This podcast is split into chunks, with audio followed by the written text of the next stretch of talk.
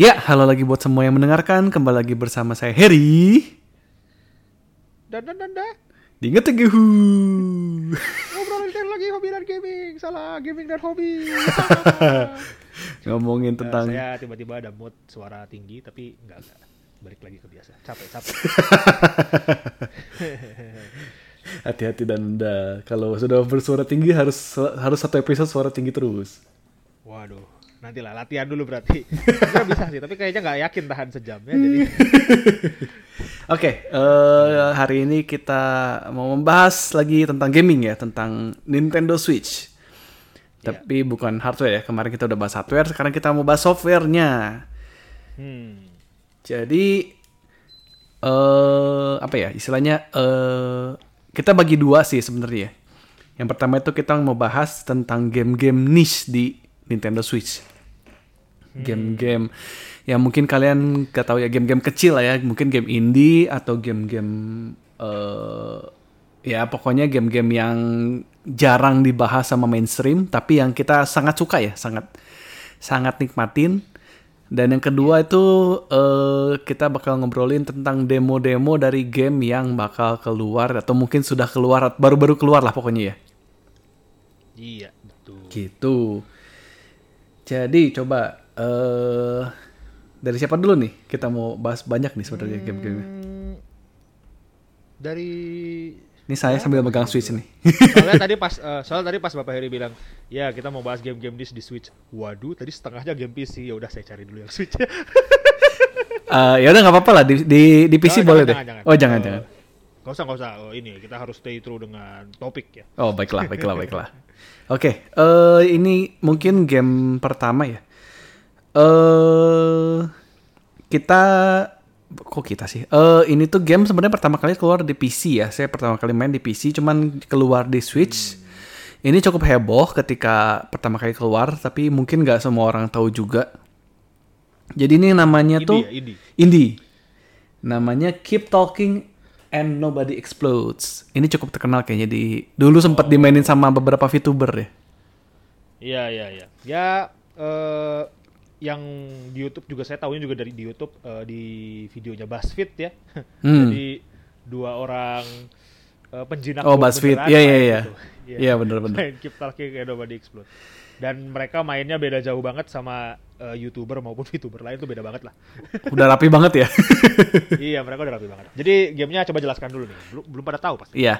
Jadi game ini adalah game di mana eh, game as- asimetrik ya, game co-op asimetrik atau game kerjasama yang eh, dua orang atau lebih dua orang sih idealnya dua orang ya. Jadi satu orang megang switch, satu orang itu ngeprint manual. Jadi beneran kita print pakai pakai kertas ya, kertas kertas HVS di print eh terus dibaca jadi berupa buku. Jadi satu orang megang buku manual, satu orang megang switchnya. Kalau di PC, PC dulu saya di laptop sih, jadi satu orang megang laptop ya. Cuman karena sekarang udah lebih enak di switch, jadinya satu orang megang switch, satu orang megang manual. Nah, satu orang megang manual itu nggak boleh lihat layar dari si switchnya, dan yang si yang megang layar switch itu nggak boleh lihat dari manual. Jadi ini game itu bakal kerjasama antara si orang yang ngejinakin bom, eh, dikasih bomnya, bomnya bakal meledak, ada waktunya, ada beberapa juga eh, modul-modulnya ya kalau di situ ya. Hmm. Nah itu tuh eh, cara-cara menjinakkannya tuh ada di manualnya. Sedangkan kalau di manual itu kan namanya juga manual ya, itu lebih ke umum. Lebih umum jadinya dia bakal nggak akan spesifik ke bom itu. Jadi harus si komunikasi lah, harus komunikasi antara yang megang bom dia ngasih tahu misalnya nanya nomor serinya eh, berapa atau misalnya eh, ada baterainya atau enggak? Atau misalnya eh, modulnya tuh modul apa aja gitu kan? Ada yang modulnya tuh bentuknya cuma kayak tombol do not push. Itu cuma satu tombol. Nah itu ada nanti caranya oh ya eh, warnanya apa? Biasanya kan gitu. Kalau nggak ada kabel yang standar kan kabel ya kabel 4 biji 5 biji. Ada warnanya apa aja? Warna biru warna putih. Terus warna hitam warna merah warna putih lagi. Nah itu. Berarti kabel yang mana yang harus dipotong? Nah kayak gitu. Itu dari manualnya ini kenapa saya bilang rame karena emang eh, berapa kali dimainin pun nggak akan pernah bosen ya. Ya. Nggak akan ini namanya? Eh, karena dia kalau kata saya sih mirip Overcook ya. Mirip Eh, Overcook, iya. Pemain permainan koop yang Komunikasi. dipacu oleh waktu gitu loh dan harus komunikasi. Ya dipacu oleh waktu dan harus Dan komunikasi. buat kalian yang mungkin tahu Overcook ya eh, pemain Overcook selalu berisik ya. Rame-rame. Saya inget banget dulu pernah main berempat, eh berlima malah. Loh, dan dan dan, Overcook bukan ada pemainnya berempat, iya satu jadi head chefnya. Satu head chef. Iya, jadi nyuruh-nyuruh gitu. Kamu yang hijau potong sayur, yang hijau Oh, koordinasinya ya. masak. Iya, iya. Jadi dia perintah kita nurut aja gitu. Ya ujung-ujungnya sih nggak nurut berisik juga. Udah, udah. ya, jadi si siapa? Keep Talking and Nobody Explode itu juga model-modelnya kayak gitu ya. Hmm. eh kalau kata saya itu komunikasi komunikasinya jauh lebih dibutuhkan sih ya daripada overcook Eh, kayak misalnya tadi aja misalnya kita harus motong kabel gitu kabelnya ada berapa itu nanti di manual tuh kayak Dikasih tahu. di- iya kayak misalnya kalau empat ikutin yang ini kalau lima ikutin yang ini kalau enam ikutin yang ini Hmm. kalau kuning yang pertama ikutin yang ini jadi kita mungkin buat eh, kalian yang mm, basicnya programming mungkin ngerti ya fungsi-fungsi if gitulah kalau misalnya begini begini kalau misalnya begini begini gitu jadi si manualnya itu pa- panjang dan cukup buat apalagi Cukup buat spesifik ya? baca kali ya iya ya malas baca karena Hmm. eh, informasinya cukup banyak gitu loh dan Dan Ya, ini dulu kan- saya main di PC emang sampai eh, manualnya saya sengaja eh, terjemahin ya. Di print dan terjemahin. dulu malah sebelum di print. Dibikin Oh, jadi bahasa saya dulu Indonesia. langsung. saya dulu kayaknya mainnya bahasa Inggris juga sih nggak ada masalah. Tapi sama di print juga lebih enak ngebukanya kalau PDF. Iya, tuh kalau PDF pusing chat- soalnya. Ya. Terus CTRLF juga tidak membantu ya, malah kita bikin pusing. Iya, benar benar buka ada suara brak brak brak gitu juga, wah itu nikmat lah mainnya. Karena emang beda ya. Kita pegang fisik itu kan oh, saya ingat halaman segini, halaman segitu gitu kan. Bahkan sampai sama Iya. saya tuh ditandain pakai post-it ya di pinggir-pinggirnya tuh diwarnain kan. Biar itu Wah, banget tuh, realistis iya, banget. Iya, iya. Jadi per modul ya diwarnain. Iya, per modul diwarnain. Terus distabiloin yang penting-pentingnya udah udah bener-bener kayak manual penting lah gitu. gitu. Nah, itu coba itu dari saya satu. Sekarang giliran saya nih berarti ya. Ya, coba dan apa nih? Ini juga ini game yang kemarin saya saya berhasil racunin ke Bapak Heri ya, yang akhirnya dimainkan sama Bapak Heri. Oh iya itu. Eh. Yang ini inti dari ini kita sebenarnya mau ngomongin ini ya episode ini ya. Iya iya. Gara-gara saya iseng. Jadi ini game dia dari Jepang eh, dan pembuatnya juga orang Jepang. Dan sangat Jepang sekali gamenya. Orang Jepang. Ya, gamenya sangat Jepang sekali dan, da- da- dulu saya udah nonton gitu loh. Oh, orang-orang pada main di YouTube. Nah, buat kalian yang senang nonton YouTuber Jepang atau VTuber ya, siapa orang Indo yang nonton YouTuber Jepang pada nontonnya wibu semua ya. Eh, pasti kalian udah tahu mainannya. Nah, itu saya udah mikirnya ya nggak mungkin lah, nggak dibikin bahasa Inggris. Terus saya iseng waktu iya. kemarin Nintendo lagi deal apa diskon E3 kan. Loh kok ada Inggrisnya? Loh kok diskon? Ya beli. Dan gak muncul sama sekali ya. Itu juga saya harus di search ya, harus dicari manual baru ketemu Ya, tuh game. search karena ya ya kan berarti kan tidak laku di US ya. Ya ya. Meanwhile di Jepang cukup polaris. Jadi nama gamenya adalah eh Kukiyomi. Kukiyomi, K U U. K U U K I Yomi. Yomi. O M I. Itu saya Jadi- kenal juga dari itu ya, dari Korone-chan. Dia main Tuh ya buat yang nonton VTuber itu udah mainan bodoh lah kayak melihat I choose violence. ya, iya. I choose violence. yang- jadi Coba coba Eh, Eh, di, dijelaskan konsep gamenya tuh apa nih? ya ya ya. Jadi sebenarnya dia mirip-mirip WarioWare atau mungkin Ih, paling dekat WarioWare Eh, sih. Sebenarnya WarioWare ya. Dia kan dia sebenarnya koleksi mini game. Mini game ya, Cuma micro games. Wario, iya ya micro games sebenarnya, koleksi micro games. Jadi di Kukiyomi itu ada 100 micro games. Eh, pertama kali main itu kita disuruh ngelarin dulu sampai 100, kalau udah nanti bisa Bisa milih. micro games lah, per apa, ya atau eh, random atau tim dari awal juga bisa berdua sih ada beberapa game yang dibikinnya emang bisa berdua. Hmm. Nah, eh yang bikin menariknya apa? Jadi dari judulnya itu kan Kukiyomi. Jadi eh, kita ngomongin budaya Jepang sedikit. Kukiyomi ya. Jadi cookie kalau itu kue, yomi itu mimpi ya. Kukiyomu. Eh, eh Kukiyomenai, orang yang nggak bisa baca cuaca sebenarnya. Kuki itu kan cuaca atau suasana. Oh, salah salah salah salah. Hmm? Kenapa? Enggak, enggak, enggak. enggak. Ya, cookie cuaca. Iya, ya, lanjut lanjut lanjut cookie cuaca. Eh, iya, jadi kuki, kukinya itu cuaca ya, seingat saya. Tapi maksudnya di sini suasana. Jadi kukiyomi itu kan sebenarnya berarti baca suasana gitu. Jadi orang Hmm, Jepang baca kan- suasana. Iya. terkenal ini ya, terkenal Sopan. care, ya Yes. considerate bahasa Considerate, Inggrisnya. considerate. Di- apa bahasa Indonesia? ya? Lebih Bahasa dan bersi gagal. lebih bersimpati, lebih mungkin Nah, lebih bisa iya, iya, membaca iya. suasana, lebih tahu suasana. Di, di gamenya sendiri juga Kukiyomi-nya ditranslate sebagai considerate ya. Considerate. Eh, jadi si siapa? Eh, Kukiyomi itu orang eh, eh konsep Kukiyomi itu di mana gini loh, misalnya hal-hal kecil misalnya eh, Paling gampang ada ada nenek-nenek mau menyeberang jalan. nah Apakah ya. yang Anda lakukan? Terus ada gambar nenek-neneknya, terus ada gambar Jadi- kayak orang basic gitu ya, orang Ya, ya. orang basic pakai stickman, terus eh, ada tulisannya you gitu kan. Anda, what will you do? Nah, jadi yang bikin beda sama WarioWare itu, game macro game macro game itu kita dikasih bukan dikasih pilihan sih sebenarnya. Jadi ada suatu kejadian, Kasih skenario. melakukan kalian mau jadi considerate atau enggak gitu. Kalau Iya, enggak iya. juga nggak masalah karena nggak ada menang kalah ya di situ ya. Ya, cuman Jadi cuman pokoknya gamenya beres aja kan gitu. Iya, gamenya beres aja. Jadi ada yang lucu kayak eh, dia ngajakin ini kencan pertama kan. Ada dua tempat, eh, tempat robot Gundam gitu sama eh mau nonton bioskop. Film Gundam sama film romance. Nah, kalau kalian mau considerate kan dia pilih romance. Iya, iya, iya. kalau iya. kalian lebih senang robot dan tidak considerate pilih robot gitu. Jadi gak ada yang bener gitu loh. Bahkan ada kadang-kadang di micro gamenya itu ada pilihan ketiga gitu. Eh Banyak hidden-hidden Misalnya sebenarnya. Iya, iya, banyak yang hidden-hidden gitu. Misalnya uh, lurus aja ternyata bisa kayak, ah nggak usah nonton lah kita makan aja gitu. Hmm. Banyak hidden, uh, banyak skenario yang tidak terduga gitu loh. Iya. Kayak ada yang kalau di game pertama itu dinyusun segitiga, uh, kita harus ngegerakin jadi bentuk logo Zelda kan sebenarnya. Oh, Uh, tapi kalau kita pindahin jadi kita ngendalin satu segitiganya gitu, tapi kan segitiganya muter-muter. Jadi Ya. kalau kita pindahin sedemikian rupa jadi logo nuklir gitu bisa. Saya juga iseng kayak sebentar ini disuruh Zelda karena ada ada pagar hutan Zelda itu kan khas ya, iya iya iya. pagar pohon Zelda. Pas saya mau ke Hmm. kiri, hmm, sebentar, saya coba pindah ke posisi ini ya, ah ke kanan atas bisa nggak ya jadi logo nuklir? Eh beneran bisa, tetret, malah ada ada sound efek bodoh gitu.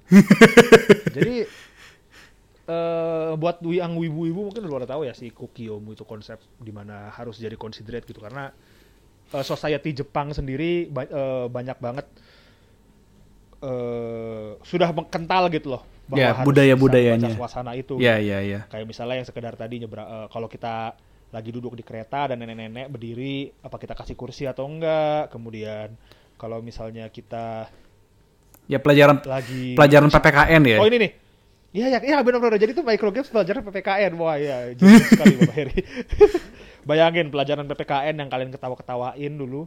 eh apakah kalau kalian menemukan dompet di jalan, apakah yang akan kalian lakukan? Itu bisa jadi game ya. Iya iya. Eh, oh ini contoh yang paling gampangnya nih. Misalnya kalian lagi duduk di cafe abnormal, misalnya. Wah sebut merek, sponsor ya, tolong. Eh, jadi misal dari di sebuah cafe kalian, terus berenam misalnya kan, Nah, lima orang. Oh kalian pesan apa? Kita kita telat kan masih mikir baca menu. Ternyata Hmm. yang lain pada pesan. Oh saya kopi, kopi, kopi. Saya ikut kopi juga. Saya ikut kopi juga deh kalau gitu. Nah, kalau orang yang bisa baca suasana kan pasti ikut. Ya harusnya sih kopi juga kan Hmm. istilahnya yang nggak enak lah biar cepet juga kalau bikin kopi semua kan gampang yang waiternya eh si yang bi- bikin minumannya di kafenya gampang gitu loh Hmm. ya kan Iya iya iya. coba kalau nggak considerate ya eh, misalnya nasi goreng atau Bebas ya itu bisa milih apa pun deh. Iya ya kalau di gamenya di gamenya itu yang kayak gitu juga ada eh, mesen Hmm. bir tapi ya Eh, jadi ya itulah jadi itu game udah Jepang banget budaya Jepang banget dan gak heran emang dia populer di Jepang Hmm. tapi yang bikin saya bingung sih ya rilis di Inggris jadi ya Bukan rilis di Inggris sih, rilis dengan bahasa Inggris sih eh, rilis di. Inggris. Iya, rilis dengan bahasa Inggris benar benar benar. Rilis dengan bahasa Inggris gitu. Jadi kayak Iya, iya. siapa yang mau main selain Wibu? Tapi ya benar juga sih. Mungkin dia tahu ya. Eh VTuber itu besar ya di Iya iya iya. Jepang. Itu VTuber Di- itu kocak banget sih si Corona main tuh lucu Iya, banget. Iya, iya. Dan Wah, Korone main ini. Aku juga pengen main. aku jadi kayak Korone. Gitu walaupun, misalnya ya. walaupun sebenarnya udah ke spoiler banget ya dari si Corona main itu udah udah kelihatan banget sih. Nah, game kan cuma begitu doang Eh. Iya, gitu doang. Cuman emang eh, karena ada co-op juga kan ini bisa dimainkan dengan co-op ya. Jadi eh, Iya, bisa dimainkan berdua. saya main sama jujur ya, saya main sama anak saya masih balita. Eh, Dia ngakak banget sih ketawa banget. ya itu saya saya udah khawatir sih sebenarnya. Jadi pas saya ngingetin kan eh eh pas saya mau ngeracunin ini Bapak Heri ini "Ah, ini game yang dimainin sama Corone rilis bar, rilis bahasa Inggrisnya nih. Mau download lah download. Main sama anak. Ngomongnya gitu padahal. Terus pas udah udah ngasih tahu baru keinget setelah agak sekian lama oh sebentar itu game kan ada scene bodohnya yang kayak ada singa di sensor lagi ngapain gitu kan. Untungnya belum sampai situ sih. Iya. Tapi maksudnya kayak Kayak apa nggak apa-apa gini beberapa skenario kan lucu banget gitu jadi jadi co-op kan ada eh, ada adegan di mana yang biasa ya cewek anak SMP eh, terus wah saya terlambat sambil menggigit roti kan biasa ya gigit roti terus kayak lari oh, gitu kan iya, iya, iya, iya, iya. saya terlambat terus kalau berdua itu yang satu ngendalin si ceweknya yang satu ngendalin cowok jadi kayak berpapasan gitu di tengah di apa sih di perempatan ya Oh, berpapasan iya, terus kayak harusnya kan kalau kalian considerate itu kan nggak nggak boleh nggak boleh nabrak ya. Jadi kan eh, ya cowoknya maju terus ceweknya maju kan gitu. Atau ceweknya dulu baru cowoknya. Kalau main berdua itu kan yang satu ngendalin cowok satu ngendalin cewek terus jadi kayak justru malah karena saya dan anak saya sama-sama aja jadi malah di, di- mau ditabrak-tabrakin gitu kan. Wah tabrak terus Iya, tabrak iya, eh, emang, jatuh. emang, emang, bener, bener, bener. lawak lawak. Iya iya. Saya juga waktu itu yang main sama adik saya juga kayak gitulah. Eh ada yang apa ya? Oh ini yang ngantri ramen ya kalau nggak salah ya. Yang kita jadi yang kita jadi jadi ada reporter di kamera Hmm. terus di belakangnya pada ngantri ramen kan reporter yang ngomong ya bagaimana ini Oh, iya, iya, ya iya. kita saya melaporkan dari restoran ini Nah, restoran ini ngantri sekali." panjang sekali iya kayaknya Ya, restorannya enak kita sekali sekedar lewat bisa maju ke depan gitu kepalanya sampai ngezoom ke kamera sampai iya iya sampai maju banget Iya, iya, iya. Terus kita itu juga- kayak gitu kayak orang bego. itu emang maksudnya emang adegannya bukan apa ya bo kebodoh tapi maksudnya nggak nggak ada dialog nggak ada nggak ada lucunya nggak ada apa tapi entah somehow jadi lucu banget sih Iya, iya, iya, iya, Gitu. iya. Dan emang di gamenya juga dia ngomong kan, kalian bisa melakukan apa saja yang tidak bisa kalian lakukan di dunia nyata gitu. Hmm, hmm. makanya puas-puasin kan di sini gitu Iya, ya. Jadi mungkin buat orang Jepang sendiri juga cocok sedikit cocok lah ya buat eh, melepas stres gitu. Iya bener bener bener Buat milih eh, pilihan-pilihan bodoh yang tidak bisa kalian pilih di dunia di nyata. dunia nyata Ya itulah game kan ya. Kita ingin kabur sebentar ke dunia game supaya kita refreshing ya kan ya. iya bener bener bener Ya itu eh, di eShop tuh harganya kalau nggak salah sekarang 4 dolar. 4 sampai 5 dolar sih satu game ya ada Iya, tiga iya, game iya. gitu Jadi ya saran saya sih kalau kalian wibu apalagi ya atau kalian fans VTuber segera Hmm. download oke. Oke. Lanjut dari saya. Eh ini mungkin saya sempat cerita ya dulu ya. Eh cuman Hmm, saya lupa nih pernah dibahas. Spiritfarer. Itu yang itu yang di kapal itu bukan? Iya, eh, Spiritfarer itu jadi kalian di eh kalau di Jepang itu su- sungai itu ya. Apa? Sungai Jozu? Eh, Sungai apa sungai itu? Sanzu. Sanzu. Ya kalau di Yunani sungai Styx pokoknya Ya, banyak itu. sekali ya sungai-sungai yang buat Sungai untuk menyeberang dari dunia kehidupan menuju dunia kematian ya, untuk Iya. menyeberangkan para eh, eh, spirit-spirit yang tersesat. Nah, di Spiritfarer ya gimana? Ya nggak nggak nggak penting. ya, jadi di Spiritfarer ini kita jadi menggantikan tugasnya pendayung sampan ya di di sungai salah satu sungai untuk eh, untuk apa istilahnya? Untuk menyeberangkan para eh, spirit-spirit, para roh-roh yang eh, dari yang sudah meninggal tapi belum sampai ke dunia orang mati. Tapi di sini itu jadi si spirit-spiritnya itu mereka kayak masih punya itu ya, masih punya gantungan ya di dunia nyata ya. Iya aja kayak Masih- roh gentayangan. Iya, Kan roh gentayangan yang belum tenang. Beban dan iya iya iya. Jadi Yang masih punya aku beban. masih punya yang masih punya beban nih di sini nih. Tolong Hmm. hilangkan dong. Makanya kadang ada suka ada eksorsis ya. Iya, iya. Sucikan kayak menghilangkan beban si hantu-hantunya gitu. Nah, tapi kalau kalian berpikir bahwa ini adalah game horor, ini kalian salah. Ini adalah game ke- mirip-mirip sama Harvest Moon atau Stardew Valley. Literally gamenya game nyantai karena kalian cuman di kapal jalan-jalan dari satu pulau ke pulau lain sambil ada request ya kayak misalnya si spirit ini dia minta eh, pengen apa sih pengen eh ya punya punya beban lah misalnya suaminya belum meninggal terus kayak dia penasaran gimana sih suaminya. Nah kita cari suaminya ada di mana. Plus eh, di kapal ini kita jadi bisa ber apa ya bercocok tanam. Dan ya pokoknya kayak harvest moon lah jadi bisa bertan menanam menanam jagung menanam padi terus dari eh apa sih menanam eh apa sih memanen kapas ya. Dari kapas nanti kapasnya bisa diolah jadi kain dari kain nanti bisa dibikin jadi baju terus juga bisa nambang ya bisa ke ke beberapa pulau bisa nambang dari nambang kita bisa bikin Oh, jadi or. di kapalnya. bukan bukan. Di kapalnya kita ngolah si hasil tambangan kita jadi dibikin jadi or jadi apa oh, sih? tapi yang nanamnya berarti di kapalnya ya? Kita kalau nanam ya di kapal. Kalau nanam itu kita punya Oh. kebun di kapal jadinya gitu. Makanya saya seneng karena dia eh, konsepnya santai ya kayak Harvest Moon. Jadi main tuh kalau lagi lagi penat lagi pusing ya udah main itu aja.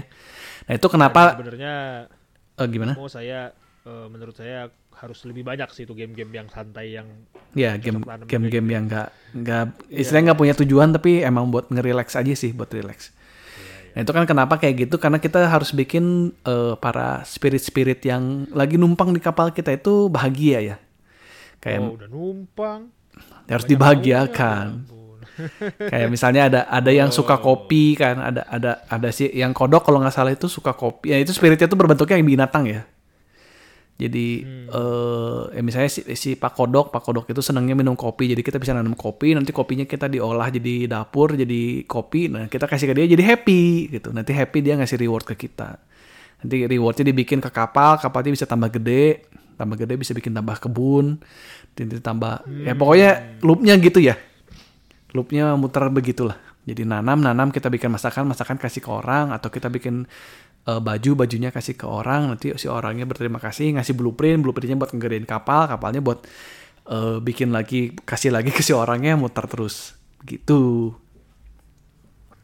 Kurang lebih gitu. Gamenya. Ya simple sih. Tapi ya kalau kalian suka konsep-konsep yang Harvest Moon mungkin bisa di- di- dicoba lah dimainkan. Oke itu dari saya. Coba. Dan ada lagi nggak Eh, ada ada. Masih Apa, ada dua apa, lagi. apa, Tapi eh, jadi dua game ini sebenarnya yang belum saya beli ya.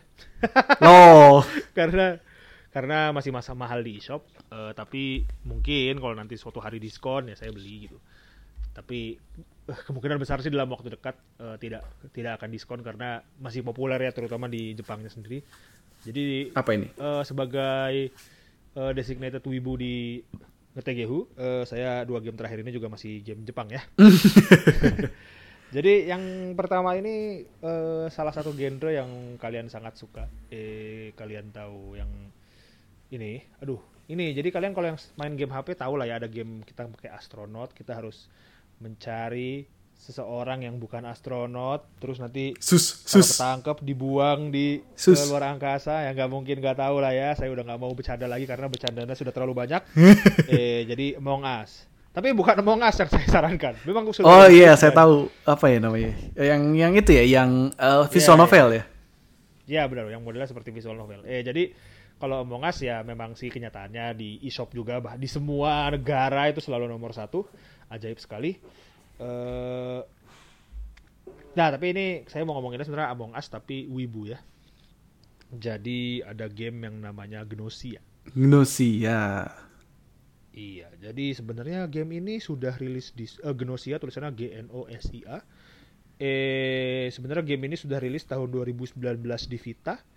Setahun setelah Among Us ya, meskipun Among Us kan sebenarnya ramenya tahun 2020 tapi dia aslinya rilisnya tahun 2018. Gnosia berarti 2019 Ya, Gnosia 2019. Nah, saya tapi nggak tahu ya apakah beneran terinspirasi sama Among Us atau enggak. Eh tapi menurut saya sih daripada Among Us dia lebih ke werewolf ya. hmm. werewolf. Nah, yang bikin beda apa? Eh, terus dan anda ini Gnosia cuma Among Us tapi wibu aja. Enggak. Jadi ini single player itu- tapi ya Nah, betul. Jadi Gnosia itu Among Us eh, slash werewolf tapi single player. Loh, single player berarti kita nyari eh, penjahatnya dari CPU eh, apa pakai AI? Iya, betul sekali. itu yang menariknya ya. Eh, dan ini timnya empat orang yang bikin. Jadi saya salut banget sama yang bikin eh, AI si NPC-nya supaya bisa mensimulasikan permainan werewolf gitu. Hmm. Dan dia itu ya eh, apa sistemnya kayak roguelike ya? Iya, jadi gini. eh, saya bilang mirip Among Us karena dia settingnya di luar angkasa. Eh, jadi ceritanya itu ada pemeran utama kita. Jadi kita bikin karakter sendiri. eh dengan kita kebangun tiba-tiba amnesia di suatu kapal luar angkasa. Hmm. Eh, terus kita terus di kapal luar angkasa itu diketahui ada yang namanya Gnosia. Gnosia itu penjahatnya. Jadi kalau kalian main werewolf, dia serigalanya lah, dia werewolfnya. Hmm. Dia sas. Eh, sama mainannya. Hmm? Kenapa? Sus. Iya sus-sus jadi gitu. Jadi nanti saya, eh, kita berkomunikasi dengan NPC NPC-nya. eh, misalnya ada NPC-nya ada misalnya Setsu ya itu yang saya ingat. Itu yang yang yang jadi ally kita di pertama kali main. Ya, Tutorial. misalnya, oh, Tutorial stage. Ya, misalnya ada yang ada yang lain ya Setsu, eh, sepertinya se- kamu adalah Gnosia, sus-sus gitu. Ah enggak enggak terus nanti saling ngebela gitu. Terus Hmm. nanti eh ada role-nya juga ya kayak misalnya jadi dokter, jadi dokter itu yang bisa ngecek apakah yang sudah mati Gnosia atau bukan, engineer pas lagi tidur itu orang yang dicek Gnosia atau bukan gitu loh. Gnosia Bener-bener juga kayak werewolf ya jadi ya? Iya ya bener-bener lebih mirip werewolf daripada Among Us. Sebenarnya saya sebut Among Us cuma gara-gara saya tinggal luar angkasa sih ya. Jadi Ya Dan Space Werewolf lah. Ya ya ya. Jadi pas pagi dia eh, kita nentuin satu orang siapa yang mau dibikin tidur clo- cold sleep. Jadi nggak ditendang ya di cold sleep. Eh habis itu malamnya seperti biasa Gnosia ngebunuh satu orang, yang lain bisa ngecek macam-macam gitu. Role lainnya selain Gnosia. Hmm. Nah, tapi catch-nya di sini loh dan dan berarti kalau udah main sekali udah dong kelar. Oh, tidak. Jadi pas kita main nih, berhasil atau enggak kita eh setelah gamenya beres, ceng, kita langsung lanjut ke game berikutnya. Jadi catch-nya di sini semua orang yang di luar angkasa itu terperangkap time loop. Hmm. Ya ya Eh, ya. mereka harus ngulang-ngulang terus permainan mencari Gnosia itu gitu loh. Sampai beres, sampai ada Ya, ada yang- win con sesuatu yang nge-trigger ending lah istilahnya. Ya benar-benar ending itu ada dua kalau nggak salah. Normal ending sama true ending. Dan ya seperti biasa kalau yang cuma dua nanti kalau mau dapat true ending harus normal ending dulu. Eh, terus yang sadar bahwa mereka itu ada di dalam loop cuma kita NPC. Hmm. Eh kita PC player karakter sama Setsu itu yang eh, karakter guide pertama. Oh. Jadi kita berdua nanti dia kayak ngasih hint gitu kayak misalnya eh tidak usah terlalu peduli dengan kalah menang gitu karena yang penting tujuan kita nah itu. Jadi ada satu tujuan yang harus dicapai buat supaya bisa bebas dari loopnya gitu. Ya ya ya. Ya intinya sih main aja terus nanti kan kebuka ceritanya ya. Hmm. Dan ini Jadi- istilahnya eh, kita sendiri sebagai playable karakter itu bukan berarti bahwa kita selalu jadi human ya. Kadang-kadang Iya, dalam satu loop itu kita malah kita yang jadi gnosianya ya. Jadi tujuan kita itu untuk Hmm, ngebunuh benar, semua player kan gitu. Benar-benar. Jadi kita bisa nanti kalau udah jauh juga kita bisa milih ngatur permainannya kok. Jadi Oh. mau berapa orang, mau mau berapa genosianya, mau berapa mau role-nya mau dinyalain atau enggak, misalnya mau nggak ada dokter, mau nggak ada engineer gitu. Hmm. Jadi eh, dalam progresnya kalian bisa main seenak kalian gitu. Tapi tadi kalian itu terperangkap dalam loop dan harus melakukan sesuatu supaya nanti gamenya beneran beres, eh, nggak nggak terperangkap loop lagi gitu. Intinya Hmm. mah tiap karakter itu kalau kalau kalian sedikit mau di spoiler, sebenarnya nggak spoiler juga sih. Pokoknya intinya mah kalian main terus aja. Nanti kan cerita tiap karakter kebuka ya. Ah. Pokoknya nanti kan istilahnya makin kan karena modelnya visual novel juga. Iya Jadi iya. eh, kalian bakal harus banyak baca ya Among Us juga banyak baca ya baca Textus gitu.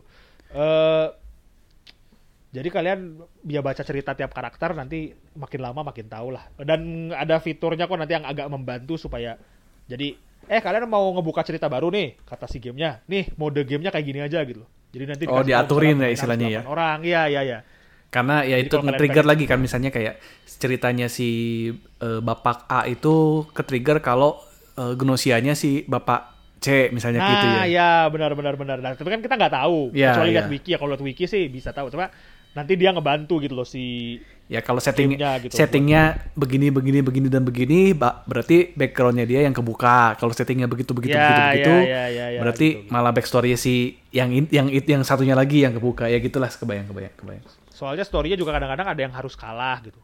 Ada yang Oh. harus ada yang eh, salah ini yang paling yang eh, yang saya inget tuh salah satu karakter harus jadi Gnosia, Hmm. salah satu NPC dan kita harus selamat cuma berdua doang terakhir. Oh jadi kita nge- nge-confront si Jadi kita ya. ya, jadi kita udah tahu dia Gnosia, tapi kita harus bantuin. nggak bolehin dia kena tidur, habis itu kita juga nggak boleh mati sama Gnosia yang lain.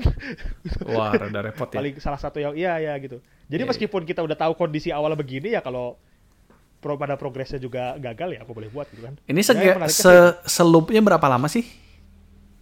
Dan dan tau nggak? Kalau selupnya berapa lama tergantung jumlah orang ya. Cuma emang kalau kerasa kalau udah 20 men kalau udah lim, 15 orang totalnya tambah NPC berarti 16 itu maksimal. Kalau udah 16 itu sih kayaknya paling cepat mungkin 10 menit, 9 ya 5 sampai 10 menit. Karena Nggak terlalu lama ya? Enggak, enggak, enggak. Karena ini apa namanya? Itu tapi itu kalau di skip skip ya, tapi kalau ada cerita ada apa mungkin 15 menit lah, 15 menit, 20 menit. Basically kurang Nah, lebih 20 menit ya. ya rata-rata berarti ya. Ya, ya. ya. Memang sih kalau saya lihat eh, dari YouTube ya mohon maaf belum download jadi cuma tahunya pengetahuan dari YouTube. Eh, jadi pas lagi interogasi yang mode, mode pagi itu loh yang kalian duduk di meja rame-rame ngomong ah kayaknya dia nih Grosia ah enggak lu sus lu sus enggak enggak enggak gua yang sus misalnya gitu Hmm. eh itu tuh cukup boring sebenarnya. Jadi kayak kalimatnya terlalu banyak diulang lah, terus kadang-kadang terlalu pusing kalau nggak perhatiin kalian nggak tahu gitu loh siapa yang bela siapa gitu. Emang sih bisa baca log. Nah, tapi yang menariknya lagi di sini ada skill. Hmm. Jadi ada role juga ada skill. Jadi nanti kalian ada parameter status gitu, misalnya karisma, terus stealth. Karisma itu kalian lebih gampang per- na- eh, mendorong orang-orang dengan arah yang kita misalnya, wah dia curi mencurigakan nih, nanti orang lain lebih serang, lebih lebih gampang. Bisa ngarahin ke sana gitu ya. Ya, habis itu kalau misalnya stealth kalian nggak akan terlihat mencurigakan kalau gede. Ada charm eh, bisa memohon ampun gitu. Misalnya kita dituduh, "Ah, aku nggak bersalah kok. Oh iya dia nggak bersalah, dia nggak bersalah. Itu di bahasa Jepangnya juga kawaii, apa kawaii pokoknya yang lucu. Kawaii. Bukan charm. Iya, ya. Nanti kalau parameter udah sampai eh, beberapa nilai nilai tertentu dia ngebuka komen khusus. Nah, itu yang saya Oh. bilang skill itu. Jadi komen khusus kayak ada yang imbas sih kayak kalau intuition itu udah paling tinggi, setiap ngomong kita tahu dia bohong atau enggak gitu. Oh, bisa gitu ya. Cuma ya, cuma selain Gnosia ada dua role yang sedikit yang jadi musuh manusia tapi mencurigakan juga ada yang namanya ku- kultisnya lah kayak dia followernya Gnosia. Hmm. Jadi manusia tapi dia pengen Gnosia menang kan. Hmm. Terus satu lagi bug. Kalau Gnosia semua mati tapi masih ada bug, bug yang menang. Oh. itu yang bikin kalau ada bug itu main langsung susah banget soalnya kalau bug dicek sama engi- eh, dokter dia manusia tapi kalau dicek sama engineer dia mati gitu. Jadi kelemahannya si engineer itu ya pas main sih sebenarnya menarik lah ya karena tadi ada skill ada role-nya cukup variatif. Cuma memang kalimatnya sedikit repetitif jadi Ya bisa di skip lah ya kalau ya mirip-mirip lah ya skip, ya skip, bisa skip, skip, skip, skip. ya kan bisa di skip bisa di skip cepat Iya, iya. paling nanti ngelihat log cuma hati-hati juga karena log itu dari logic kalau parameter status kita logiknya satu kita cuma bisa ngelihat satu line dari log. Lah, iya. Lah. iya. Saya waktu itu ngelihat banget di YouTube kayak jadi dia bikin karakter maksimal charm kan maksimal imut keimutan dia. Tapi terus pas ngecek oh kalau logiknya segini bisa ngeliat backlog. Terus dia khawatir sebentar logik gua kan satu. Pas dilihat iya bener jadi cuma satu line. Dia lupa. Udah kayak otak burung. Jalan tiga langkah lupa semua. Otak burung. Banget karena pas baru mulai main kita kan dikasih status awal itu bisa dia diatur sesuai enak jidat gitu. Ya, ya, Misalkan ya, mau ya. bikin karismanya pol gitu loh terus nanti tiap lagi tiap main kan level up level up dapat status dapat poin status tambahan kalian naikin lagi gitu karisma maksimal tapi otak burung. Ingatan. Tadi dia ngomong apa ya? Lucu juga ya. tiga kali jalan lupa ingatan ya gitulah Ya, Eh, buat kalian yang wibu dan gamenya oh saya perlu saya tambahin lagi gamenya cukup Gimana? ramah dengan SJW ya cukup Oh. hebat ya Macam-macam ya karakternya. ya cukup banyak macam-macam mulai dari alien yang beneran kayak alien itu yang abu-abu sampai karakter-karakter binari ya karakter-karakter yang ya cukup variatif lah berwarna dan buat wibu juga ada pilihannya jadi yang nggak heran dari Jepang kan Hmm. Ya, ya, ya. game ya. ini di Vita awalnya nggak populer ya Eh, Populernya di Switch malah ya? Pas, iya ya pas di Switch semua orang kaget kayak terus habis itu benar-benar jadi mainan youtuber sama niko-niko gitu kan. Ya karena emang di Swiss itu kan keluar juga setelah eh, itu ya, setelah Among Us ya. Iya ya setelah Among Us bener. Dan Among Us kan di Jepang juga awal-awalnya belum ada teks Jepang kan dia masih pakai mod. Ya, masih ya. pakai pack fans gitu. Yang ya pokoknya. Jadi pas Genosia keluar waduh waduh rame terus kayak ya udah main. Hmm. eh harganya masih mahal 50 dolar jadi mohon maaf ya. Kayaknya 24 ya? nantilah enggak enggak enggak 50 mahal mahal mahal kok masa 24 daerah mana kalau 24 langsung saya beli nih sekarang Coba coba sambil, sambil saya cek. Oke. Jadi buat kalian yang senang ya Among Us, The Wibu dan SJW. Kasar banget ya, enggak enggak ya, tapi cukup ramah lah. eh, saya cukup ya saya ya saya juga senang sih ngeliatin dan emang ini salah satu yang udah masuk dalam wishlist saya pertama pas keluar di Hmm. pas keluar trailernya di direct gitu. Jadi ya mana harganya? Nggak bisa ngecek. Saya ya lihat di 24 shop. dolar sih, 20 25 dolar sih. Hah, 25 ya, bukan 50. Loh, terus waktu itu 50 apa? Mungkin baru keluar kali. Beli nggak ya? Eh, 24. Beli nggak ya? Ayo. Murah, eh. Ayo. Ya? Oke, eh, lanjut dulu kali ya sambil sambil kita cari-cari ini harganya benar berapa.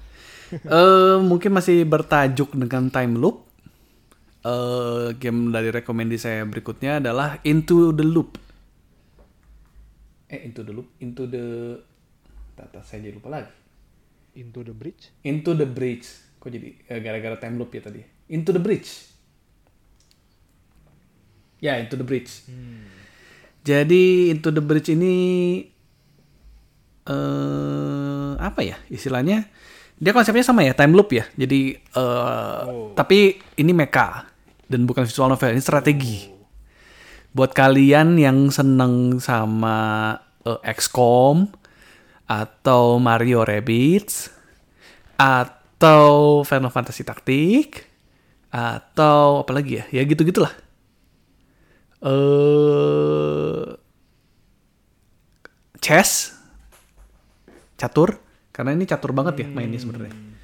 Ini ada Into the Bridge. Jadi Into the Bridge itu eh ya game game strategi grid base ya, turn based strategi di mana kalian mengendalikan tiga mecha, tiga Gundam yang eh apa ya istilahnya ini eh, roguelike ya, roguelike. Jadi kalian berusaha menyelamatkan bumi dari serangan alien. Eh bukan bumi sih, menyelamatkan galaksi tepatnya. Jadi ini planetnya beda-beda sih macam-macam. Ada planet ya biasa lah ya, planet es, planet api, planet rumput. Saya Cuman ingat ini dia yang waktu itu ini ya, yang waktu itu digadang-gadang sebagai penerusnya Advance Wars ya. ya penerusnya Advance War. Karena dia ini juga kan eh, dia bener-bener nggak pakai chance ya, nggak pakai persentase hit. Jadi bener kalau kalau hit ya hit gitu kan, udah eksak lah. Hmm. Jadi kalau kena Oh, jadi dikasih tahu hit. Oh, langsung pasti kena ya. pasti kena, Bukan iya. yang hit 80% gitu, bukan ya? Bukan, kalau kayak eh, XCOM kan itu kadang ada itu ya, ada critical, ada yang miss. Kalau ini nggak ada, ini bener-bener matematika murni, eksak.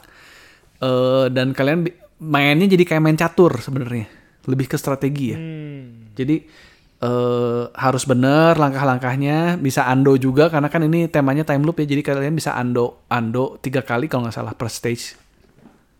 Oh. Bisa mundur karena ya takut salah langkah kan. Kini harus bisa ando. Kayak Fire Emblem Three House tuh saya kaget. Apa bisa ando? Ya karena kan strategi kadang kan orang udah males ya. Kal- Kalau enggak kan Iya, dulu juga saya main Fire Emblem tiap turn di save ya. Oh iya udah bener di save, udah bener di save. Main Brigandine aja waktu main pertama itu kalau miss saya load. Jadi bisa nge-save di tengah jalan kan? Iya bisa save di tengah jalan, bener. Nah gitu, jadi eh, mainnya kayak catur, terus eh, battle-nya lawan alien, eh, ada bosnya juga ya itu, dan eh, per stage-nya tuh paling juga cuma 10 menit sih, paling juga 5 turn, 6 turn beres, tapi itu eh, cukup rumit, cukup menarik, dan itu juga kan roguelike ya, jadi kalau kalian kalah, jadi kalau kalah itu salah satu pilotnya bakal balik ke masa lalu, Hmm. kalian milih ya siapa yang bakal survive terus si pilotnya bakal balik ke masa lalu dan itu experience-nya tetap ada tapi jadi balik lagi eh, nge-restart lagi loopnya ngulang lagi dari awal. Dan itu starternya juga bisa milih ya kan kalian eh, ngendalin tiga mecha ya. Nah si set mekanya itu bisa dipilih mau mecha yang eh, mainnya main balance ada yang main jarak jauh ada yang mainnya main elemen yang apa kayak api flamethrower jadi semuanya tuh kayak bakar-bakar damage-nya kecil tapi bisa ngebakar gitu kan. Dam eh, damage-nya lebih sustain. Terus eh Berarti mirip Super Robot Wars juga ya konsepnya soalnya robot-robot gitu ya. ya robot-robot bener kayak Super Robot Wars. Gitu. Jadi eh gimana ya? Saya seneng sih karena uh, roguelike ya, saya seneng roguelike dan strateginya strategi banget dan itu adiktif sih. Jadi kayak ya udahlah sekali lagi lah, ya sekali lagi lah gitu. Sama kayak Gnosia ya. Iya iya, banyak banget soalnya yang emang uh, sebenarnya sih kalau kasarnya sih bilangnya mereka sengaja bikin game yang looping gitu atau game yang roguelike gitu buat ngenambah play ini ya playtime ya. Hmm. Jadi biar sebenarnya asal kalian udah tahu formulanya buat bikin sesuatu yang prosedural gitu kan. Eh yang sama yang sebenarnya yang kalian lakukan sama jadi terasa tidak sama gitu loh bagi para gamernya, bagi para player. Hmm. Ya coba kan kalau kalian menikmatinya ya tidak ada masalah sih sebenarnya ya. Hmm. Kayak ya banyak ya, ya roguelike lah gimana eh sebenarnya stage-nya ya sebenarnya pas kita main gitu doang gitu sama aja cuma ya karena stage-nya berubah-ubah terus musuhnya berubah-ubah terus kan Ya benar. jadi seru Jadi seru dan gak bosan ya jadinya ya. Karena kan ya, game strategi salah satu yang yang bikin bosan kalau kita udah pernah main satu stage itu kan jadinya itu ya. Jadi bosen lah ngulangnya gitu kan pasti musuhnya di situ lagi. mapnya juga random ya? Mapnya random ya dan misi-misinya pun random ya. Ada yang harus nyelamatin generator, ada yang harus harus melindungi Oh. melindungi kota selama lima tahun misalnya gitu. hmm Dan semakin banyak objektif juga kalian upgrade-nya bisa di-upgrade ya si mekanya di-upgrade dan semakin kalian objektifnya kepenuhin itu upgrade-annya bakal semakin gede ya kayak uangnya dapat lebih banyak. Terus eh, resource-nya juga lebih banyak gitu. Jadi ya oke lah, saya seneng sih. Gitu. oh Coba dari Dananda apa lagi nih? Satu lagi nih. eh Yang terakhir. satu lagi dia yang terakhir Bapak Heri juga masih satu lagi kita berapa game baru udah, Eh. tiga, udah tiga ya Udah banyak sih sebenarnya. dari Bapak Heri tiga saya tiga kayaknya ya Boleh, boleh. Iya. Ya udah yang terakhir berarti dari saya. Ya sebenarnya terakhir juga sih nggak ada pilihan lain. Lah. eh jadi ada eh, sebuah game yang juga ini ini malah ajaib banget ini Bapak Heri. Jadi munculnya ngedadak, nggak ada angin, nggak ada kabar, tidak muncul di direct. apa ini? Terus eh download only singkat saya. Jadi digital only, nggak ada fisiknya. Dan harganya juga full price. Jadi saya cek beneran full price ya. 60. Waduh. Jadi harga triple A. Eh nama gamenya adalah A Train All Aboard Tourism. Lah, apa itu sih nggak tahu malah. Jadi ini game eh, simulator manajemen kota seperti layaknya Skyline. Eh, terus kemudian apalagi Si- SimCity misalnya ya. Terus ya pokoknya dia simulator manajemen kota. Tapi fokusnya salah satunya di keretanya. Hmm. karena judulnya juga E-Train ya. eh jadi ini game dulu sih ya udah cukup besar ya di Jepang. Jadi cukup banyak pemain setianya gitu loh. Saya juga tapi nggak tahu juga ini game awalnya lamanya apa gitu. Pokoknya waktu itu ingat banget saya pasti di pertama kali rilis di eShop. Orang-orang tuh pada kaget. Jadi pada Hah ini game bisa masuk barat gitu loh. Terus kayak ini game dibikin buat Switch gitu loh. Kayak padahal kayaknya nggak mungkin gitu. Hmm. Eh, rilisnya juga waktunya kurang lebih sama lah eh, jangka waktunya sama pas yang Gnosia itu Maret tahun ini. Jadi eh game ini cukup apa ya? Ya mainnya mah simpel sebenarnya ya. Kita Hmm. ngurusin kota. Saya lupa ini kita jadi wali kotanya kalau nggak salah jadi mayor. Kita ngurusin kota, kita ngurusin stasiun, kita ngurusin tempat-tempat datangnya. Kita ngurusin macam-macam lah. Nah, itu itu oh ini saya baru lihat di game ternyata udah dari tahun 85. Wow. Oh game lama ya di, di rilis- Game dibikin ulang ya lama di remake. banget. Game lama banget di tahun 85 dan dia masih tahan sampai sekarang terus bikin oh. Oh, dia oh developernya juga dulu eh, nih eh dipublish mak- sama Maxis juga sempat ternyata ya jadi cukup gede ya. Oh Yang Maxis. bikin SimCity ya. Ya ya ya ya. ya. Dibantu- Developer simulator nomor satu ya dulu ya sebelum dibeli EA. Iya. Ya sampai sekarang juga sih lihat aja The Sims eh, tetap besar ya. Walaupun sudah Eh, dibeli ya EA. jadi jadi sebenarnya cukup simpel dan yang yang salah satu charmnya juga kalau dari yang Switch ini karakternya itu cukup waifuable ya jadi ada beberapa Oh. staff kota yang membantu misalnya manajemen planning sekretaris kemudian eh, sumber daya manusia yang gitu-gitu ada staff seperti layaknya pemerintahan lah seperti apa Hmm, hmm, hmm. eh ada empat cowok empat cewek kalau nggak salah ya jadi tapi yang cewek cukup waifuable dan didesain sama digambar sama ilustratornya Etrian Odyssey Eh, jadi cukup. Eh, Iya, iya, iya, cukup cukup. Iya, maksudnya cukup ini ya, cukup besar namanya di dunia game ya, Etrian Odyssey itu ya. Iya, iya, iya. ilustratornya ya. Etrian Odyssey sendiri cukup niche, tapi ilustratornya itu cukup terkenal. Jadi ya waktu itu bener-bener heboh banget pas pertama kali rilis, tapi semua orang tuh langsung down karena pas lihat harganya apa 60. Males ya. iya langsung males gitu loh. Karena memang juga kelihatan translatean bahasa Inggris. Kan emang ada demonya Bapak Heri. Saya belum nyoba Hmm. sih karena saya tipe orang yang jarang nyoba demo. Tapi mungkin, tapi abis ini kan kita ngebahas demo. Iya, bener, bener. Heri kalau mau nyoba demonya silakan ya, A-Train. Tapi si bahasa Inggris itu kurang bagus gitu loh eh, terjemahannya. Jadi kurang rapi lah, kemudian jadi kayak kayak kalau orang Eropa, orang Amerika orang Barat tuh suka ngata-ngatain kayak translatannya orang Asia Tenggara, orang Singapura. dia udah rasis banget bahasa dia. Coba emang kayak gitu kenyataannya di internet. Oh. Eh, jadi Eh, by the way ya, uh, Gnosia bukan 25 jelek dolar ada Nda. Silakan kalau iya ya saya Eh. lihat juga Genosia 25. Si A-Train tuh 60. Ya, itu A 60. Strip Train kalau mau nyari. Ya, jadi eh tadi untuk pemain bahasa Inggris sih kurang bagus ya, kurang rapih dan banyak ada beberapa teks waktu itu yang keluar dari kotaknya kalau nggak salah. Hmm, ya karena dia aslinya Ya. Jepang ya. Ha. Ya istilahnya kurang rapi lah ya, kurang enak dilihat kalau buat main bahasa Inggrisnya. Cuma secara Hmm. game simulasi ya sudah bagus dah si mereka dari tahun 85 loh. 85 tuh lahirnya apa coba? Mario. Dari zaman Mario mereka udah bikin game. Tapi ini Jepang sekali ya. Ya. Bener-bener eh, dan ya namanya simulator ya kalau mereka tidak pintar bikin apa namanya? Istilahnya mekanismenya hitung-hitungannya itu jelek mah ya tidak pantas jadi simulator. itu game udah hitung-hitungan banget jadi tapi si Bisnis sih, ini, ini bisnis banget ya. Ya, ya. Gitu. Dan ini game bener-bener di C di barat, tapi di Jepang juga saya nggak ngeliat ada youtuber yang main, VTuber juga saya nggak lihat ada yang main. beneran, beneran. Paling niche ya, ini gitu. game-game game paling niche Iya, ini. iya, iya. Ya, ya. Kalau Gnosia itu di Niko Niko itu ada orang yang main terus tiap hari. eh, dia episode rilis satu hari satu.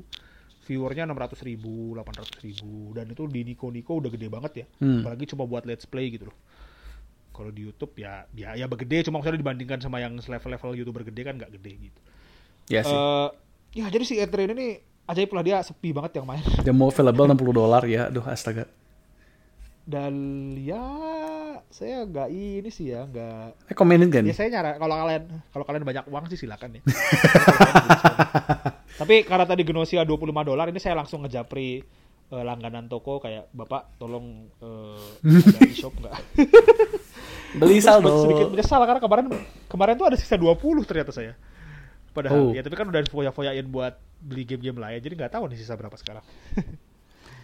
Iya karena eh, Ah. ya Gnosia ini mirip sama itu ya sama game eh yang bakal saya omongin juga sih nanti di demo ya, demo section. Oh. Eh game apa? Oh. Oh ya udah. Ya kita langsung aja kali ya, langsung ke demo Boleh aja boleh kali. boleh boleh.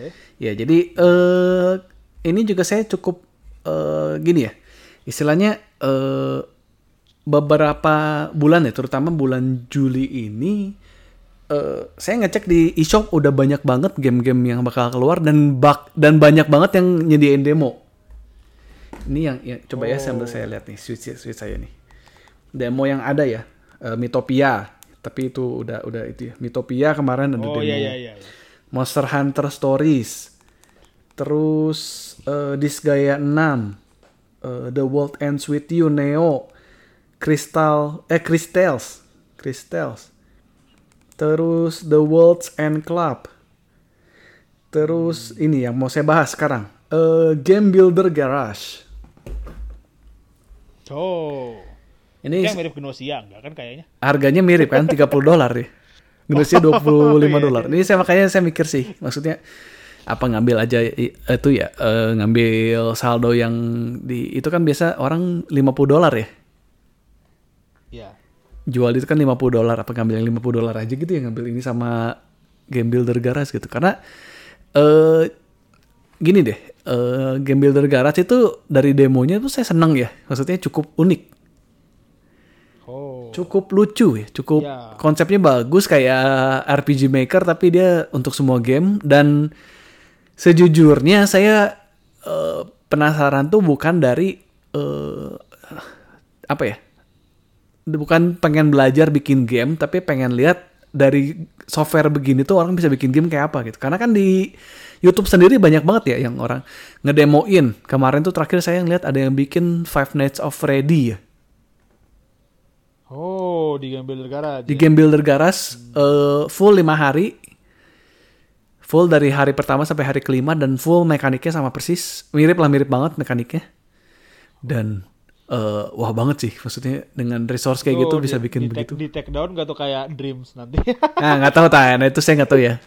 Tapi kan emang ini kan eh, nggak tahu kalau Dream kalau di sini kan dia nggak ada nggak ada market ya. Di sini dari websitenya beda beda beda website lagi kan sebenarnya.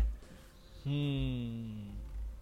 Jadi ada ada website khusus dibikin buat orang nge-showcase eh, ininya ya, game buildernya ya. Iya, iya, iya. Oh, ini saya baru lihat nih yang bentuknya ada dari pixel ini nggak ya? Apanya? Si Five Nights at Freddy's-nya. Eh nggak 3D malah full 3D. Oh, 3D ya. Mana? Oh, ini ya Five Nights at Fluffball. Ya itu benar. Musuhnya tuh satu robot, satu bebek bebek itu bebek bebek karet, Oh, satu lagi yang matanya nyala kayak beruang gitu matanya nyala. Oh. Makanya jadi eh, ini kodenya banyak banget lagi kan orang kayak website itu banyak banget. Iya, iya, iya, iya, iya. Tapi ini menariknya sih kayak ini ya. Buat main game-game yang udah dibikin sama orang lain. Justru justru itu. Iya, jadi kayak ini kan banyak banget yang eh, nge-showcase kan kayak eh, kita ada website nih kalau Iya, kalian punya iya, game yang menarik tinggal masukin aja gitu kan. Ada yang kayak GTA 5, ada Flappy Bird, ini kan Doom Eternal. Jadi penasaran aja gitu maksudnya dan emang kadang kan iseng pengen pengen nyoba-nyoba bikin gitu kan. Karena kan emang saya cukup tertarik sama programming juga tapi kan nggak nggak gimana juga lah gitu kan. Dan ya 30 dolar oke lah ya. Di Topet ada yang jual fisik 400 sih cuman ya nggak tahu ya. Ya lebih murah sih hitungannya ya. Aduh. Gitu. Ya tertarik sih cukup cukup tertarik. Harganya nggak terlalu mahal. Gitu. Eh itu yang game builder garage. Terus tadi eh, saya nyebutin segitu banyak juga saya baru baru sempat mainin demonya baru mainin dua ya sebenarnya dari sebanyak itu. Oh. Banyak banget malah ya saya ngerasa kayak lagian kayak sekarang itu demo itu banyaknya malah jadi ngambil konsep kayak Dragon Quest ya. Ngasih chapter satunya dan kalau kalian seneng bisa dilanjutin gitu kan. Kayak Mitopia kan Oh, gitu. Iya, iya, iya. Mitopia gitu. Terus- Mitopia. Tapi saya nggak tahu deh. Saya saya mah nggak main demo. Eh bener. Soalnya Eh buat kalian yang itu ya, buat kalian yang eh, males beli game tapi pengen main, bosen gitu ya, terus kayak nggak ada pilihan tapi malas ngeluarin uang, itu demo itu sekarang itu salah satu yang menurut saya ya eh, bisa memecah kebosanan ya. Jadi kayak kayak gini ya, kayak sekarang eh, saya juga pengen bahas nih si Tuewi ya, The The World's End With You, Neo Tuewi. Itu juga sama ya, kayak saya tuh pengen tahu gamenya kayak apa, terus kayak lagi lagi nggak ada game yang pengen dimainin, lagi bosen, download aja demonya terus dimainin aja gitu kan, lumayan dapet 3 jam 4 jam gameplay gitu. Tuewi itu bagus loh. Dan Anda sempat main nggak dulu yang di eh, eh oh DS iya ya? dong itu salah satu game favorit saya di DS. Cuma kayaknya sih yang sekarang nggak akan beli karena nggak bisa main pakai touchscreen itu yang Iya, eh, jadi kalau yang dulu itu kan game ya. gamenya kan eh, dibagi sebenarnya dibagi tiga ya, dibagi tiga part kan karena itu kan kita tiga partner ya. Iya, kalau iya. yang dulu dan tiga tiganya beda ya. Yang satu tuh di tap, eh touchscreennya di tap, yang satu tuh di itu ya di swipe. Ada tiga macam cuma saya lupa sih itu di diapain aja. saya lupa jurusnya si karakternya cuma emang dia kan si Nekunya itu jurusnya M- MC-nya Pakai tombol. dia jurusnya pakai touchscreen pakai Ya, tombol pakai ya. touchscreen. Kalau yang eh, partnernya itu pakai touchscreen. Eh kebalik ya. Neku neku tombol iya benar Nekunya pakai touchscreen Eh touch eh, si itunya pakai tombol dan touchscreen Oh. itu macam-macam gitu kayak misalnya kalau yang pedang cuma harus di slash kalau yang eh, api mungkin harus ditahan harus di hold nanti ada yang listrik atau apa di tap gitu cepet-cepet Ya dan emang ma- Pokoknya- mainnya jadi kita juga harus lihat atas dan bawah ya karena kan dulu DS itu kan Iya, dual iya, screen. iya, iya. Jadi yang karakter utamanya kita mainin di atas, yang karakter secondary-nya kita main di bawah kalau nggak salah. Saya lupa lagi sih. Ya, jadi benar-benar benar. Jadi enggak enggak NPC MC-nya justru di bawah. Oh, Kan MC kita di bawah. touchscreen, kan? Eh touchscreen Iya, ya. MC di bawah, si partner kita di atas. Jadi kita melawan monster yang sama tapi dari dunia yang berbeda gitu lah anggapannya. Dunia paralel lah ya Jadi- istilahnya. Iya ya kayak ya ya kayak gitu. Jadi yang menariknya di situ sih itu salut saya kayak yang benar-benar salah satu yang memaksimalkan DS ya. Ya iya Makanya benar pas benar. tahu Neo jadi 3D terus nggak touchscreen kayak saya yang hah eh, itu salah satu game yang udah nggak akan saya beli. Nah, justru jujur ya. ini mungkin ya kalau kalau saya di mencoba membujuk dadanda, menggoda dadanda untuk beli. Jadi kalau di eh, Neo 2W itu eh, masing-masing karakter itu jadi satu tombol. Oh. Jadi kayak eh, tokoh utamanya tuh tombol Y, terus si partnernya di sini tuh jadi berempat ya sebenarnya mainnya tuh. Cuman kan di demo itu masih bertiga ya. Sekarang terakhirnya belum belum join sama kita. Cuman jadi kita main bertiga itu jadi satu tombol R, misalnya satu tombol ZL, satu tombol Y kalau nggak salah. Atau misalnya Y, terus yang satunya X, yang satunya R. Jadi eh, gimana pinnya? Itu pinnya itu nyambung ke tombol mana yang harus dipencet. Oh gitu doang. Hmm, tapi Apa, apa, nggak- apa nggak doang nih? nggak doang. Jadi kayak balik lagi ya kayak tadi ya. Kayak kalau tombol yang pedang itu harus dipencet terus-terusan. Terus kalau Oh. eh, ada yang serangan yang harus ditahan dulu, jadi dia kayak kayak Mega Man yang ngumpulin tenaga, uh, baru dilepasin, dar kayak gitu. Ada yang gitu. Terus ada yang eh, harus di ada yang bisa ditahan dan dipencet berturut-turut, tapi ya pokoknya jadi per karakter itu megang satu pin dan per satu pin itu masing-masing eh, satu tombol gitu. Dan ya saya sih hektiknya dapat ya. Hektiknya dulu di main di DS sama sekarang hektik yang main di Switch itu masih dapat sih. Maksudnya cukup chaotic juga karena kan kadang ganti-ganti pin jadi lupa ya harusnya pencet tombol apa jadinya kepencet tombol ya, apa. ya, ya. Soalnya si pinnya itu ada cooldown ya jurusnya. ya ada cooldown. Sama di sini juga ada cooldown. Misalnya udah nyabat 10 kali, 12 kali dia cooldown gitu. Ya dan Tunggu lagi kalau- dan kalau kalian bisa ngechain ya antara eh, si karakter A dan karakter B jadi A mukul terus berikutnya B mukul terus si C mukul terus si A mukul lagi. Kalau bisa terus-terusan itu sama ya naikin sing sing percentage. Dan kalau gede bisa ngebom. Ya gitu sih. Jujur saya dari semua demo paling tertarik ini sih sebenarnya. Paling gameplaynya bagus sih ceritanya juga menarik. Oh. gitu. Ya mungkin eh dan anda tertarik jadi siapa tahu ya digoda. Ya alhamdulillah eh, udah ada target duluan. Sekarang Genosia jadi tidak terdong ter- Indonesia murah itu murah murah murah. Iya. dan satu lagi kayaknya ya sebagai penutup. Eh gimana Danda sebelum saya lanjut? Eh, sebenarnya sih tadi saya mau komentarnya cuma eh, demo buat mengisi waktu. Tapi kan Bapak Heri sekarang udah ada game HP tinggal install Mobile Legend main bisa nikmat sampai HP-nya mati. Tapi enggak enggak enggak. Tapi saya jarang sih maksudnya main main di handphone juga udah udah udah nggak terlalu sering ya karena ngerusak baterai handphone sih. Kan emang nggak didesain buat main game ya sebenarnya handphone tuh. Hmm. gitu. Ya anyway eh karena kita ngomonginnya Switch juga jadi ya lebih enak main di Switch lah kan ada tombolnya nggak touchscreen itu. Apa itu touchscreen itu tapi tetap, tetap kecewa tuh Ewi Neo tidak pakai touchscreen tetap kecewa. Lanjut lanjut. Ya mungkin karena di docknya susah sih ya. Ya karena nggak tahu ya cuma mereka digadang-gadang bisa main handheld bisa main handheld cuma ujung-ujungnya game yang bisa touchscreen dikit gitu loh. Iya sih. Yang dari Nintendo-nya atau dari perusahaan gede ya gitu loh. kalau Kalau yang port-port HP nggak jelas itu sih ya nggak usah diomongin lah ya. Orang ada yang- Tuewi yang Final Remix bisa loh touchscreen loh. Bahkan cuma touchscreen Oh. doang mainin nggak bisa pakai nggak bisa pakai Joy-Con Oh iya. Oh, lebih parah malah. Eh bahkan ini apa namanya? Ada ya kecuali port-port HP terus ada yang lebih bodoh lagi game HP. Jadi bayangin Bapak Heri, Bapak game HP itu kan bisa portrait, bisa landscape kan. iya iya iya Bapak Heri bayangin game yang mainnya di HP portrait pas masuk ke Switch dia tampilannya juga portrait.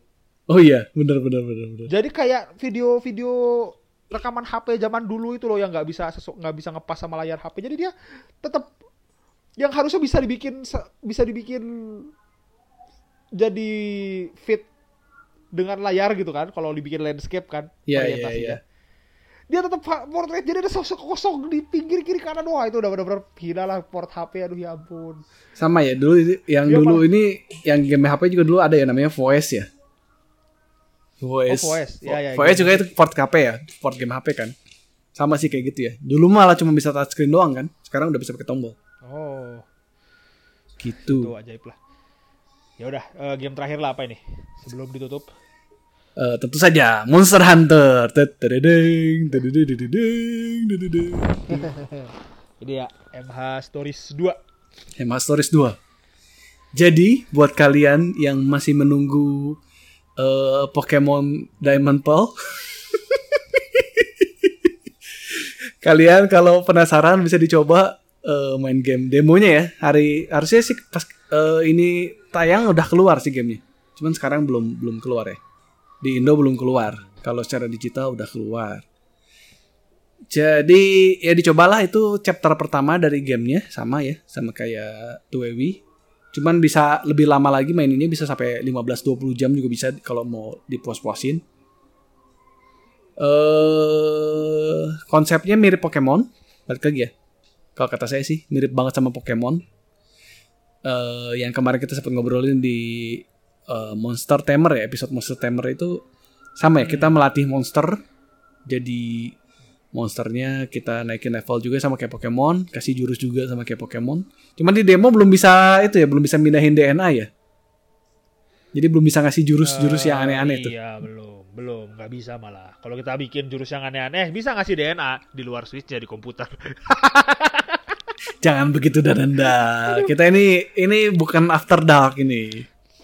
Iya, After Dark ya, gelap, sisi gelap tidak tidak. Eh ya belum bisa dan kayaknya nggak akan bisa sih soalnya kan memang Masih demo lah. Pokemon kan iya, dia mereka cuma bisa jurus-jurus ter- ter- tertentu saja gitu loh. Bisa sih nantinya kalau kalau udah udah full gamenya bisa sih kita modif modif si jurus-jurusnya ya. Kita tambahin jurus. Karena kan emang di trailernya juga ada ya, lah Gombi bisa nyembur api kan. Oh iya ya, di di stories di stories ya. Ya di stories di stories. Bukan di bukan Pokemon ya, ini kita ngomongin stories. Iya ya, bukan Pokemon, bukan bukan bukan. Nah, ya jadi eh secara mekanik juga kota saya lebih bagus ya daripada Pokemon. Eh, lebih rapi, jurusnya pun nggak cuma animasi doang ditempelin ke monster. ya, balik lagi Ya, ya. nggak usah ngomongin Pokemon, nggak usah ngomongin Pokemon. Nggak ada demo dia, nggak berani ngerilis demo, saya yakin. Sampai sekarang belum keluar ya trailer Pokemonnya ya. Pokemon Diamond Pearl. Wah itu udah nggak ngerti lah. Mungkin mereka juga nggak tidur kali. Udah pusing mau Olimpiade juga kan. Corona pusing. Ah. Makan lo Pokemon. Game break.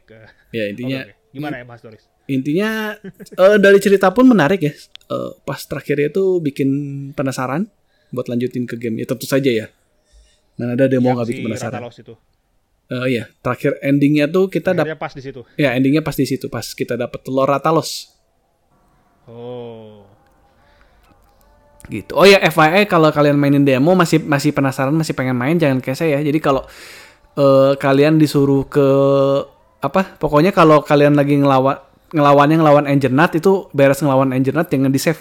Karena kalau di save nggak bisa lanjut si save-annya. Sedih. Hah? Kok aneh banget? Emang lagi bug gitu? Bukan ngebug, jadi emang eh, kalau kita nge-save langsung jadi begitu kita load lagi save-annya keluarnya thank you for playing the demo. Oh, Jadi- jadi, itu oh itu oh itu emang bagian terakhir ya lawan Anjanat ya. Ya, jadi bagian terakhir di bosnya di itu ya, bosnya di demo. Jadi kalau masih mau main demo habis lawan Anjanat jangan di save. Jangan di save ya. Jadi pokoknya sebelum sebelum lawan Anjanat ya kalian muter-muter aja, puas-puasin leveling, cari monster, segala macem. Karena emang emang eh, justru kalau kata saya ya, MH Stories itu charmnya itu bukan di ceritanya oke, ceritanya menarik. Tapi maksudnya kalau malah yang bikin seneng itu ngegacha telur justru. Jadi jalan-jalan, jalan-jalan. Eh lihat ada ada monster nest kan kalau di situ kan nggak nggak ditangkap ya. Cari cari sarang monster terus kita curi telurnya kan. Oh iya. Ya antara kalau Pokemon mau ditangkap gitu kan dari liar kita tangkap kalau ini dari dari telur kita ambil tuh. Nggak- Yang saya ingat sih harus benar-benar masuk ke sarang telurnya khusus kan ya buat nyolong telur. Ya, ke sarangnya si ke sarang khusus nanti di di dalamnya sarang itu ada ada ada tempat telurnya nah kita ambil kita bawa keluar gitu. Oh iya. Terus itu- kemarin tuh sempat di MH Stories 2 tuh ada ini loh di websitenya ada eh, tes personality. Kalian kalian itu monsti yang mana? Oh, dan Anda ikut gak nih? Dan Anda ikut gak? Saya nggak ikut, cuma kemarin pada ketawa karena banyak yang dapat Aptonot. Oh, ini saya saya udah saya ngambil nih, saya ngambil nih. Dapatnya apa coba? Tunggu ada denda. Eh, siapa? Rajang. Wih. Rajang, the golden monkey. saya saya cukup puas sih hasilnya. deh. Diambil dong, diambil dong, diambil dong. Mana sih? Live on ngetegehu dan denda personality test. banyak kan pertanyaannya? Saya juga belum coba soalnya. Sekitar- Kemarin emang heboh aja kan. Sekitar sepuluhan sih ya. Nggak banyak kok sebenarnya. Dan pilihannya cuma A atau B doang. Oh. Loh, oh berarti monsternya juga sebenarnya nggak banyak. ya? Nggak banyak monsternya. Oh. Tapi sedih banget yang dapat Aptonot ya. Iya, pant pantas aja banyak banget yang dapat up to not. Nah, ini nih, Monster Hunter Stories 2 Tsukino will determine your ideal monster. Saya coba. Mana mana mana. Mana websitenya? Nah ini. Live. Live. Ini sengaja banget nih biar bisa sejam lebih. Eh nih. Eh, Di sini Ini aja udah sejam Nomor lebih. satu, ak- akhir hari akhir-akhir ini di translate di kalian. akhir-akhir ini kamu sibuk sekali, capek mental, capek fisik, ya kamu pergi ke luar, pengen relax. Terus kamu ngeliat ada binatang. Binatang apa? Anjing yang sedang lari semangat lari ke arah saya, kucing yang memandang dari kejauhan, kucing yang memandang dari kejauhan. Pertanyaan kedua, eh, kamu dapat waktu kosong jadi kamu bersih rumah. Terus pas lagi beresin laci, ketemu kunci yang nggak diketahui buat apa. Pas diingat ternyata kuncinya adalah untuk diberikan eh, misterius gentleman pas saya lagi liburan, saya dua kunci ke rumah, kunci di rumah orang tua saya. Hmm. Misterius gentleman. ini saya ngapain ini? Aduh ya ampun. Ini beneran sampai saya saya harus beres ini Bapak Heri. Iya dong, kita tunggu nih sampai beres nih. Waduh, oke lah. Eh, by the way, kalau yang yang yang udah sih udah ya kita nggak akan bahas apa apa lagi sih. Ya kalau udah bosan nih, ya udahlah, udahan aja. Ya kita nggak penting. Terima kasih telah mendengar ke TGHU. Ini episode ini episode berapa? Pokoknya kasih aja titik 5 atau titik 25 lah biar kayak Kingdom Hearts. Lah, oke lanjut. Eh, kamu nemu toko loak, eh, terus kamu melihat ada kotak DVD berisi seri movie yang sangat susah dicari, lebih murah, tapi kamu lihat ada satu, ada dari lima movie ada kedua yang hilang. Yang kamu lakukan adalah, eh, gua nggak mau beli karena saya nggak mau beli yang nggak lengkap. Saya juga kalau beli komik harus dari volume 1 Iya, ya nggak lengkap tuh nyebelin sih. Iya, nyebelin. Eh, kamu sedang pergi eh, bertualang, kamu ingin kembali ke rumah karena kamu sudah eh, sudah melakukan yang kamu inginkan, tapi kamu ada dapat sebuah sedikit galau. Eh, hasil hasil eh, petualangan kamu sangat banyak sampai-sampai nggak bisa pulang dengan semua yang kamu punya. Jadi harus bisa harus melepas beberapa harta yang kamu temukan. Apa yang kamu kamu buang? Eh, barang yang nggak langka tapi berguna buat perjalanan barang yang nggak berguna tapi berharga kalau dijual. Hmm, karena uang adalah segalanya. kamu bekerja di sebuah perusahaan dan kamu akhirnya bisa pulang setelah bekerja eh, di luar dinas sama luar, dan menemukan eh, dan kamu capek, kamu melempar tasmu dan tidur di sofa, kemudian kamu tampaknya kamu bisa langsung tidur tapi kamu segera, menghela nafas ketika melihat sesuatu ada di atas meja. Apa yang kamu lihat? Dokumen yang harus dikasih ke kantor kecamatan kali ya City Hall. Sama snack yang baru dibuka terus tiba-tiba jadi melempem. Hmm, saya lebih males harus ke kecamatan, apalagi wayah anak gini ya. Jadi Aduh, ya kamu sedang memanjat. Itu berapa pertanyaan lagi nih? Kamu sedang memanjat gunung, rute gunungnya sulit sekali ditemukan. Eh sulit sekali. Pas pas di tengah jalan, salah satu temanmu sakit. Satu orang ingin pergi meninggalkan dia di sini dan lanjut ke pegunungan. Ini ada beritanya loh ini Bapak Heri kalau nggak salah. Yang ditinggalin sampai kelaparan. terus itu ya. Wah itu parah banget tadi Indo Itu- ya. itu- Ya, akhirnya ditemuin sama ini, ditemuin sama tim SAR. Oh. Tapi di, oh iya, iya diting- Parah mana, mana, mana, ya itu ditinggalin. Sedih banget itu. Eh, saya lihat dulu ceritanya. Ah. Oh, Allah, saya tidak mau meninggalkan karena nakama adalah segalanya. Betul, saya baru kemarin akhir-akhir ini baru Waduh, udah keluar hasilnya. Eh, jadi monsternya cukup besar ya Bapak Heri. Apa ini?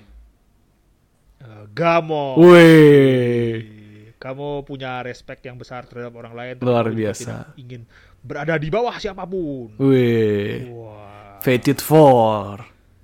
Itu monster Fated Four favorit saya sih, Gamut. Ya. Terus eh, kalau saya ini monster favorit juga karena kostumnya paling bagus Ya, paling keren. di MH buat Gunner tapi ya kalau buat Blade Master saya nggak tahu. Dan sedikit kecewa karena kalau muncul di Rise juga nggak akan ada armor Gunner. ya, nggak nggak akan ada armor lagi buat Gunner. Sedih sekali. Oke. Terima kasih buat Terima kasih buat semua yang mendengarkan. mendengarkan. Kita eh, cukup untuk ngebahas game-game niche di Switch dan game-game yang akan keluar di Switch berikutnya. Eh, Jangan lupa- ada email ke ya. gmail.com, ada Twitter eh, At. Ketegehu. Terima kasih yang sudah mendengarkan. Saya Harry. Saya dan kita pamit dulu. Sampai jumpa di episode berikutnya. Bye-bye. Dadah.